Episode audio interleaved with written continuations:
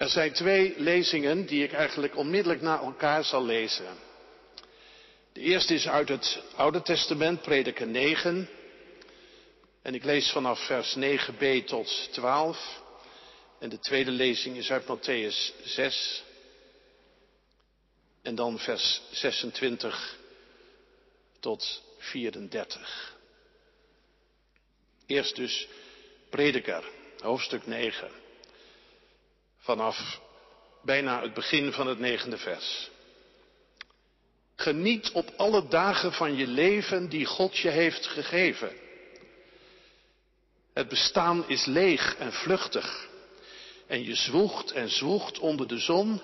Dus geniet op elke dag. Het is het loon dat God je heeft gegeven. Doe wat je hand te doen vindt. Doe het met volle inzet. Want er zijn geen daden en gedachten, geen kennis en geen wijsheid in het dodenrijk. Daar ben je altijd naar op weg. Ik heb onder de zon opnieuw gezien dat niet altijd een snelle hardloper de wedloop wint, een sterke held de oorlog, dat hij die wijs is niet altijd zijn brood heeft en hij die inzicht heeft de rijkdom, hij die bekwaam is het respect. Zij allen zijn afhankelijk van tijd en toeval. Nooit weet de mens wanneer zijn tijd gekomen is. Zoals de vissen verraderlijk worden gevangen door de fuik en de vogels door de val, zo wordt de mens verrast door de verraderlijke tijd, wanneer die als een klapnet op hem valt. Jezus zegt, kijk naar de vogels in de lucht. Ze zaaien niet en oogsten niet en vullen geen voorraadschuren. Het is jullie hemelse Vader die ze voedt. Zijn jullie niet meer waard dan zij? Wie van jullie kan door zich zorgen te maken ook maar één el aan zijn levensduur toevoegen? En wat maken jullie je zorgen over kleding? Kijk eens naar de lelies. Kijk hoe ze groeien in het veld. Ze werken niet en weven niet. Ik zeg jullie, zelfs Salomo ging in al zijn luister niet gekleed als een van hen. Als God het groen dat vandaag nog op het veld staat en morgen in de oven gegooid wordt, al met zoveel zorg kleedt, met hoeveel meer zorg zal Hij dan jullie niet kleden, kleingelovigen? Vraag je dus niet bezorgd af, wat zullen we eten, of wat zullen we drinken, of waarmee zullen we ons kleden? Dat zijn allemaal dingen die de heidenen najagen. Jullie hemelse Vader weet wel dat jullie dat alles nodig hebben. Zoek liever eerst het koninkrijk van God en zijn gerechtigheid. Dan zullen al die andere dingen je erbij gegeven worden. Maak je dus geen zorgen voor de dag van morgen. Want de dag van morgen zorgt wel voor zichzelf. Elke dag heeft genoeg aan zijn eigen last. Tot hiertoe de lezing uit het woord van God. De tekst is eigenlijk het tweede gedeelte. En dan de scopus, vers 33 en 34. Zoek liever eerst het koninkrijk van God en zijn gerechtigheid. Dan zullen al die andere dingen je erbij gegeven worden. Maak je dus geen zorgen voor de dag van morgen. Want de dag van morgen zorgt wel voor zichzelf. Elke dag heeft genoeg aan zijn eigen last. Gemeente van Christus, vanmiddag laten wij ons onderwijzen door vogels en bloemen. Zij zijn onze leraars, de lelies in het veld en de vogels in de lucht. Jezus gebruikt die schepselen om ons te zeggen hoe je onbezorgd kunt leven. Hoe je een eenvoudig mens kunt zijn en kunt blijven, ook in die ongewone tijd die wij momenteel meemaken. Dat Jezus juist die twee noemt, die twee soorten, vogels en bloemen, dat is een heel bewuste keus. Want die twee verschillen van elkaar. In hun manier van groeien en overleven. Een lelie bloeit door op haar plek te staan. Je moet daarbij denken aan een gewone bloem die dus daar van nature groeit in het wild op een weiland. En je moet niet denken aan een bloem die heel apart opgekweekt is en dan op een prachtige plek is gezet in de tuin. Nee, het is gewoon een eenvoudig bloempje in het wild. En die plek waar ze staat, daar trekt ze de sappen uit de grond. En dat is ook de plek waar ze wordt beschenen en beregend. Bij een vogel is dat heel anders. Een vogel die zal zeker niet overleven als die de hele dag op zijn tak, op zijn plek blijft zitten. Een vogel moet vliegen. Jezus heeft het dan ook over vogels in de lucht. In die twee soorten schepselen zie je ook de twee bepalende kanten van ons mens zijn. Wij zijn mensen die aan de ene kant een plek nodig hebben om te kunnen leven. Je hebt gewoon een voedende bodem nodig. Laten we zeggen dat die plek ons thuis is. Als iemand geen plek heeft, al is het maar een tentje of een hutje, als die dat niet heeft, dan is dat een beklagenswaardig schepsel. Wij mensen, wij hebben ook iets van een bloem of van een boom. Wij moeten kunnen wortelen. Hier ben ik mens, kun je zeggen. Op deze plek, daar leef ik echt. Daar leef ik van. Maar we zijn ook vogels. En die vogels die we zijn, dat is onze vrijheid. Wat is een mens zonder vrijheid? Wij willen onze vleugels uitslaan. En je wil niet de hele tijd thuis zitten. Je wil de wereld in en je wil de dingen doen waar je zin in hebt. Dat heerlijke gevoel dat je alle kanten op kunt. Dat gevoel als je aan het strand staat en er ligt een zee van mogelijkheden voor je. En je haren wapperen in de wind. Vrijheid. Mensen die niet van hun plek kunnen komen of willen komen, daar hebben wij wel mee te doen. En zo hebben we ook wel een beetje met onszelf te doen, lijkt mij. Zoals we toch de laatste maanden wat beknot werden.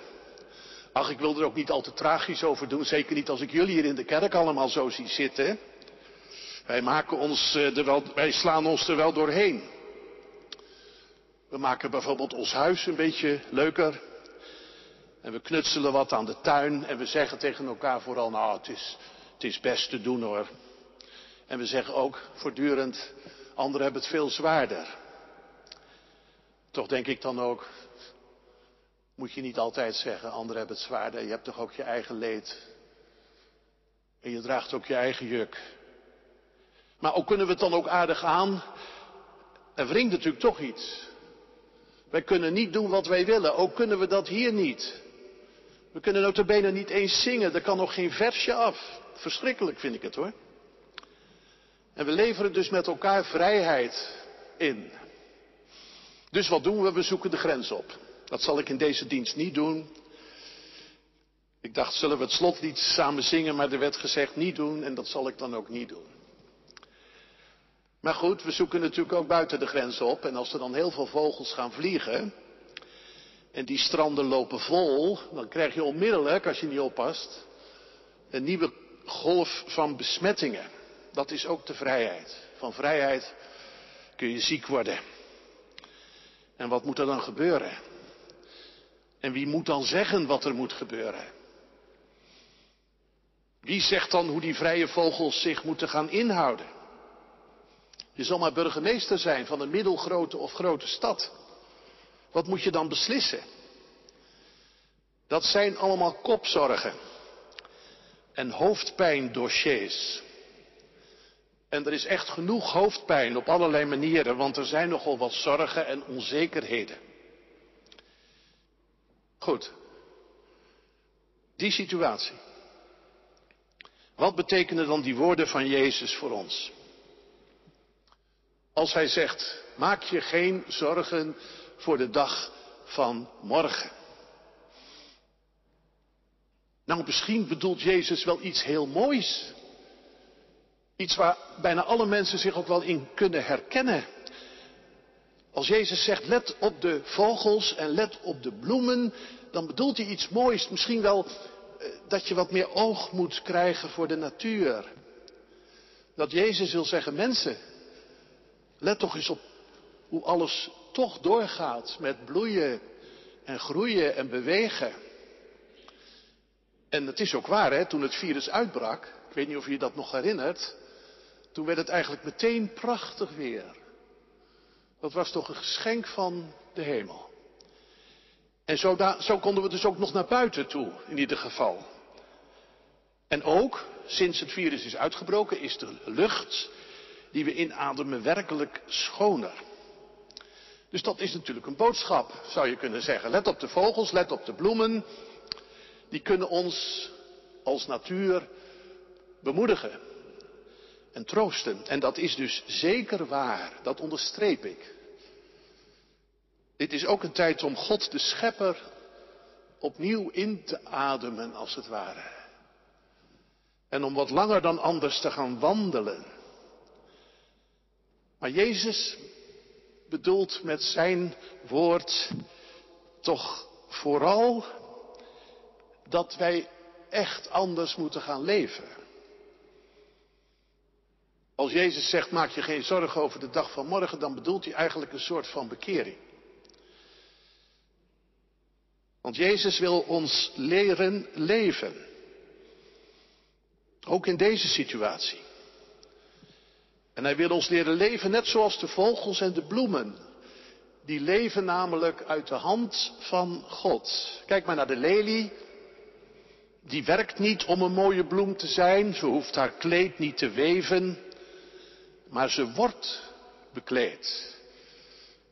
En zo, met die kledij, zegt Jezus, staat ze boven de pracht en praal van Salomo. Terwijl dat bloemetje toch maar gewoon een wilde plant is. Maar, maar, Salomo's kleren zijn het werk van mensenhanden. En dat bloemetje is het eigen werk van God. En daar kan zelfs Salomo niet tegenop. Die vogel, die hoeft ook niet te werken voor zijn voedsel. Zoals de mensen bijvoorbeeld. Hij hoeft niet te zaaien en niet te oogsten en hij hoeft ook geen voorraad aan te leggen. Want zijn kostje ligt al klaar. Die vogel moet wel wat doen. Hij moet niet stilzitten. Maar het enige, de enige moeite die hij moet doen, is dat wat klaar ligt te zoeken en op te pikken. En ik denk dat de vogel daar gemiddeld meer dan de helft van zijn energie aan besteedt aan het oppikken van zijn dagelijkse kostje. En nu zegt Jezus tegen ons, waarom kijk je niet naar die vogels? Waarom zijn jullie zo druk met wat je zult eten en hoe je je zult kleden, terwijl er een Vader in de hemel is die alles voor jullie klaarlegt? Als God al zo goed zorgt voor die vogels, die zomaar in een klapnet gevangen kunnen worden.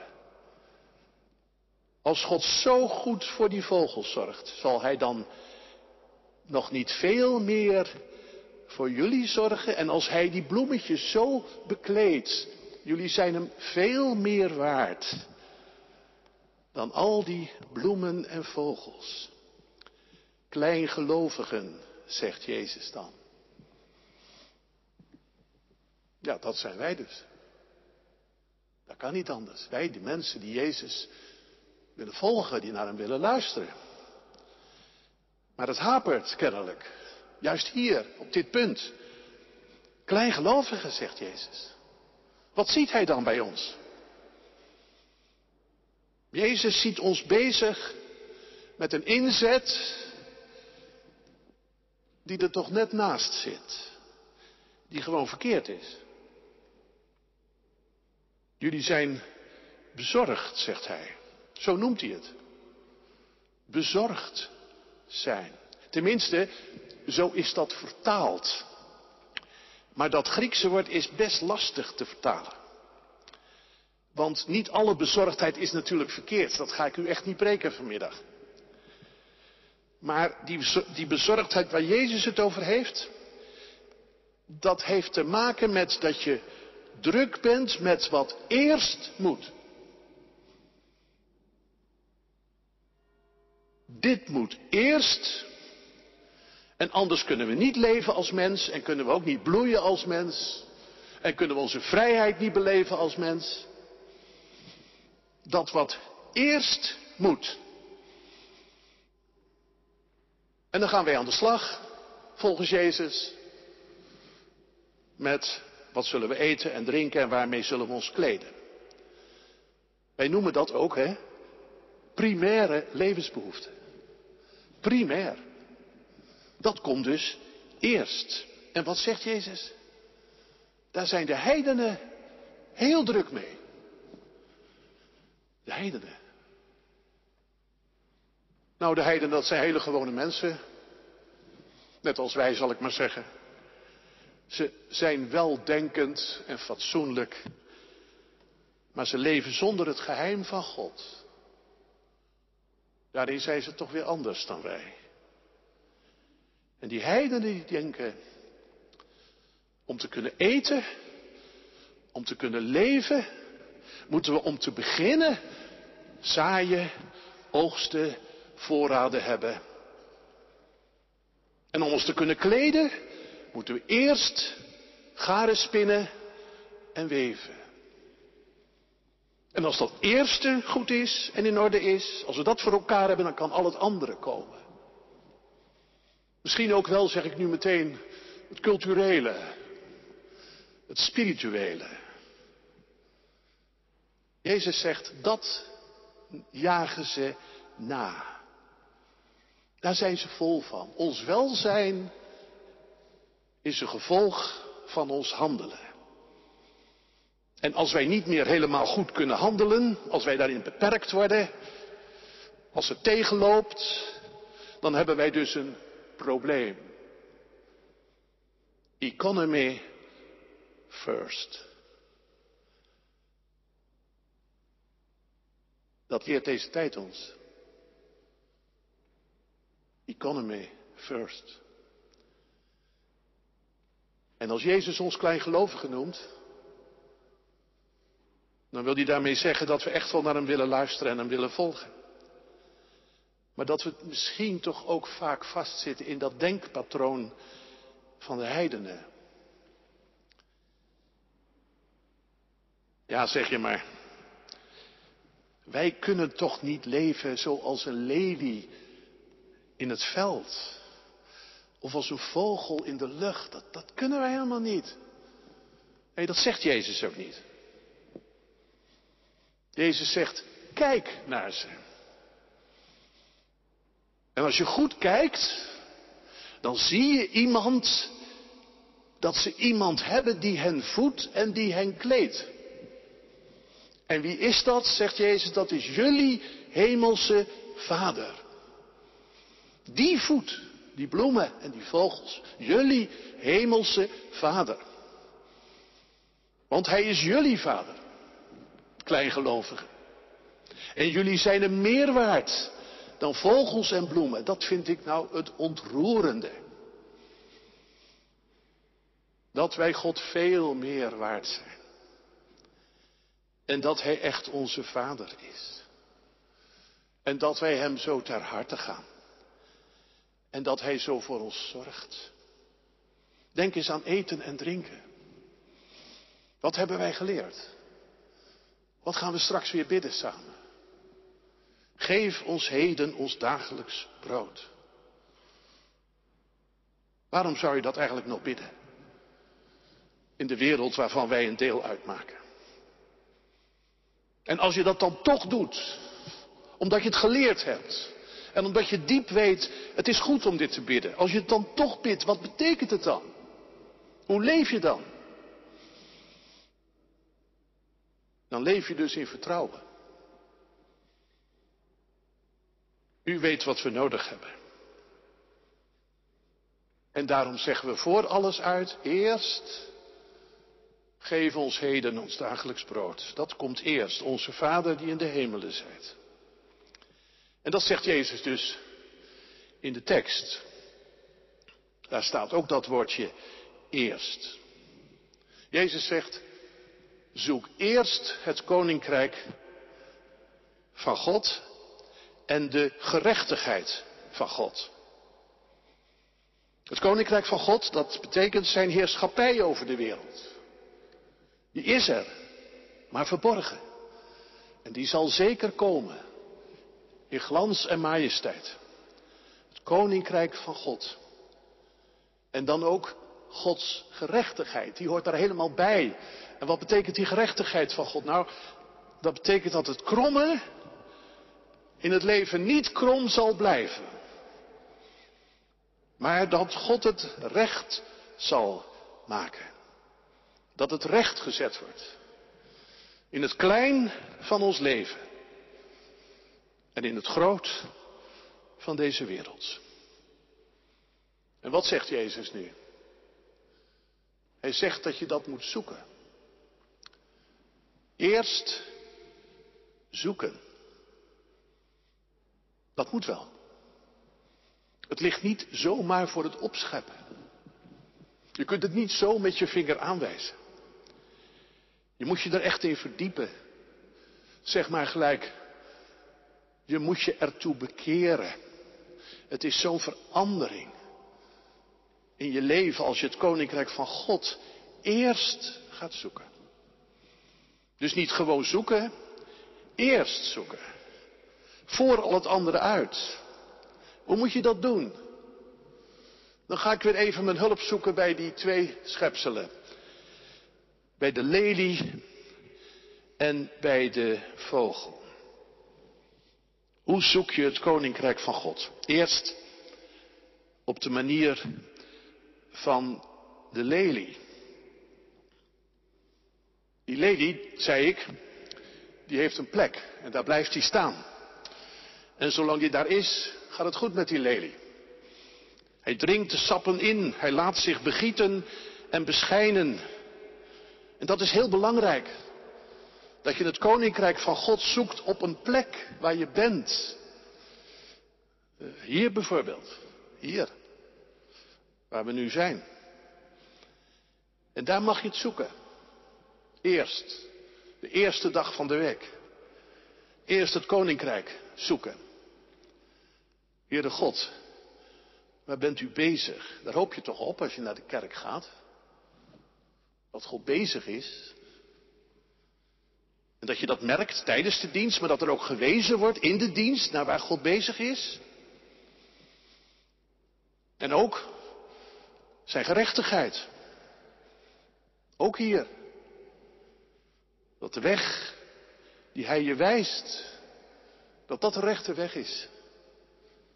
En die gerechtigheid heeft ook te maken dat God trouw is aan zijn bedoelingen. En omdat Hij trouw is en die trouw elke, telkens toont, door ons af en toe bij onze kladden te pakken en te zeggen, nee, niet zus, maar zo, ik heb het je toch gezegd. Dan verwacht Hij ook die trouw van ons. Dat is zoeken als een lelie.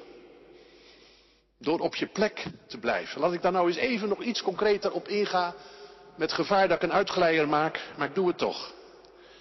Ik denk in deze tijd dat het ook te maken heeft met concreet trouw zijn aan je gemeente, waar je toe behoort. Ik vond het zo mooi wat Willem-Jan vanmorgen zei. Misschien heb je gekeken of was je hier. Willem-Jan zei dat genade een ruimte, of geloof, een ruimte is waarin je ook mag binnengaan. Dat is het. Dat je op je plek komt en samen met anderen in het geloof mag oefenen en volharden. En kijk, je kan vandaag natuurlijk overal heen zeppen, laten we eerlijk zijn. En ik ben natuurlijk geen schoolmeester die zegt dat mag helemaal niet. Maar het wordt wel heel erg voor de hand liggend gemaakt. Verveel ik mij, denk ik, nou dat wordt niet veel vanmorgen, dan kan ik toch altijd naar een ander toe. Maar ik vraag je, denk je echt dat je zo gezegend wordt? Denk je dat? Draagt dat de goedkeuring van God? Denk je dat? Misschien vind je het iets overtrokken. Maar laat het dan even bezinken. Dat is die lelie. God heeft zoveel liefde voor lelies. God heeft nog veel meer liefde voor ons.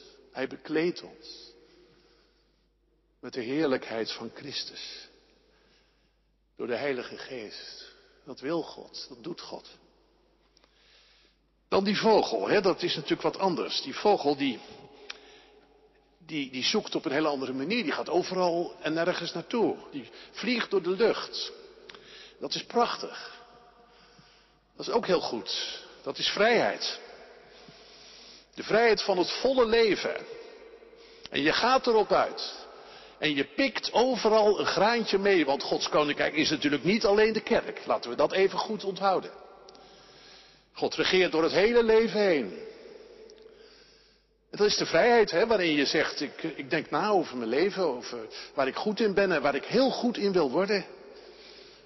En ik wil me heel graag oriënteren in de wereld. Ik ga reizen. Uh, alles mag, hè? Alles mag. Want we hebben een hemelse vader. En die weet wat wij nodig hebben. En die weet dat wij ook vrijheid nodig hebben. Je moet dus nooit denken, godsdienst dat heeft toch iets te maken met onvrijheid. Dat is helemaal niet zo. God wil ons laten bloeien. Niet alleen maar simpel en makkelijk, zeg ik er gelijk bij. Bloeien is soms ook pijn, dat weet ik. Maar toch, God wil dat we echte mensen zijn, eenvoudige, vrije mensen. En die vogel maar zoeken. Dus zoek dan eerst het koninkrijk, zou ik zeggen. Als je zo heerlijk rondvliegt, dan zoek je dus eerst het koninkrijk. Want dan word je helemaal vrij. Waar de geest van Christus is. Daar is vrijheid. Hoe zal dat er nou precies uitzien, zeg je dan? Nou, dat kan ik niet helemaal zo zeggen. Dat weet ik niet. Maar ik denk wel dat het te maken heeft met bidden. Dacht je niet? Betrek hem bij al je wegen. Dan kies je ook de rechte paden. En ik denk dat je van lieve lee, in die speurtocht die je met God maakt, ook wel wat feeling krijgt voor wat spoort met God en met zijn toekomst. En ook dat wat die toekomst frustreert eigenlijk, bij jezelf en ook in je omgeving. Maak je geen zorgen voor de dag van morgen. Wij zoeken hier dus eerst het koninkrijk van God. En nu gaan we even denken aan morgen. En morgen betekent de toekomst. Nou, dan is er wel wat te zeggen natuurlijk. Wat gaat deze periode ons brengen? Wat gaat die teweeg brengen? Heb je geen medelijden gehad met de dominees? Dat ze iedere keer toch weer wat moesten proberen. Om, om iets te zeggen. Om niet niets te hoeven zeggen. Ja, waar gaat die periode ons brengen? Ook als kerk. Ik ken collega's die daar heel zwaar aan tillen. En anderen die daar wat luchtiger over zijn. En zoals ik gewend ben, sta ik er dan een beetje tussenin. Maar het is natuurlijk wel een vraag. Hoe gaat dat nou met de kerk? Komen de mensen straks allemaal gewoon terug? Of vinden ze het eigenlijk wel fijn om thuis te kunnen kijken? Ik noem maar wat.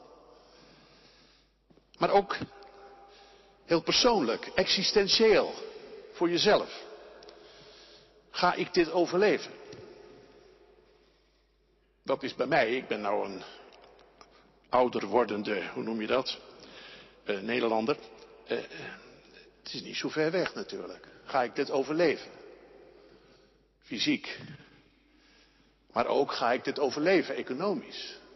Net iemand gesproken die zei, ik heb nu geen baan. En er waren aantrekkelijke vacatures, zei hij net tegen me. Maar ja, die zijn weg, die zijn in de koelkast gezet. Zo is het. Daar zegt Jezus iets over, hè? Heel radicaal en nuchter. De dag van morgen, die zorgt voor zichzelf. Oh, denk je, maar dat zal wel. Ja, dat zal wel. Dan moet ik zeker maar wat afwachten. Nee, dat bedoelt Jezus niet. Wat Jezus bedoelt, dat is, je moet niet met morgen bezig zijn, je moet vandaag leven. Dat is trouwens ook een hele gewone volkse wijsheid die je van de eerste, de beste ouderwetse Utrechters ook kan horen. Je moet vandaag leven. Heel bijbels hoor. Maar waarom moet je alleen vandaag leven? In het heden. Omdat er vandaag zoveel te doen is als je het koninkrijk van God eerst zoekt. Dan komt er een wereld op je af en dan gaat er een wereld voor je open. Er ligt al zoveel op je bordje. Dat zegt Jezus ook. Iedere dag, dus vandaag ook, heeft genoeg aan zijn eigen last. Er staat eigenlijk, iedere dag heeft genoeg aan zijn eigen kwaad. Maar dat woordje kwaad, dat zou ik in het Nederlands vertalen, in dit geval met sores. Iedere dag heeft genoeg aan zijn eigen sores. Nou, als er één woord van Jezus is, wat in deze periode wel beaamd zal worden in gezinnen. Je zal maar een paar kinderen hebben lopen, van beneden de tien bijvoorbeeld. En dan moet je ook nog les gaan geven thuis. En dat is dan nu weer wat anders natuurlijk. Maar zo'n woord van Jezus, dat wordt in de coronatijd natuurlijk veel beter begrepen dan eerder. Wij konden alles redelijk plannen. We wisten al precies hoe het morgen en overmorgen enzovoort zou gaan. Maar ja, eh, praat me daar nou liever even niet van, want dat weten wij helemaal nog niet. We moeten het maar met vandaag doen, inderdaad. Wat gaat er morgen gebeuren?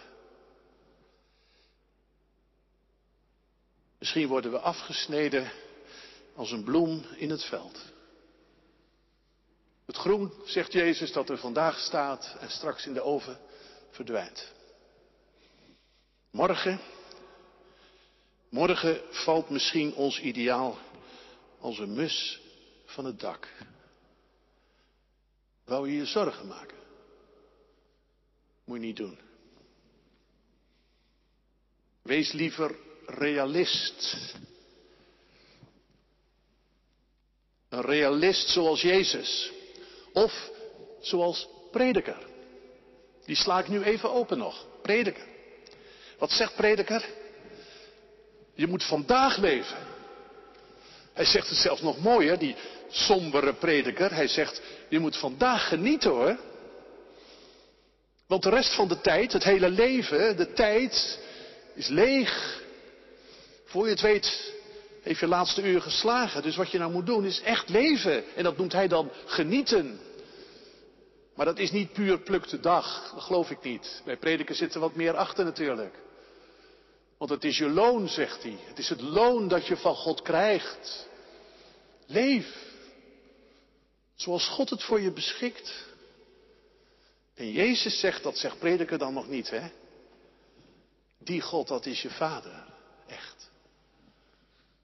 Hij is je vader. Je hemelse vader. Ik hoop toch echt dat wij niet christenen zijn van het soort dat zegt, we hebben het nu al geweldig en dan straks nog het eeuwige leven.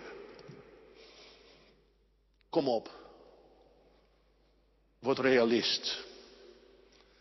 Het koninkrijk van God. Dat eerst.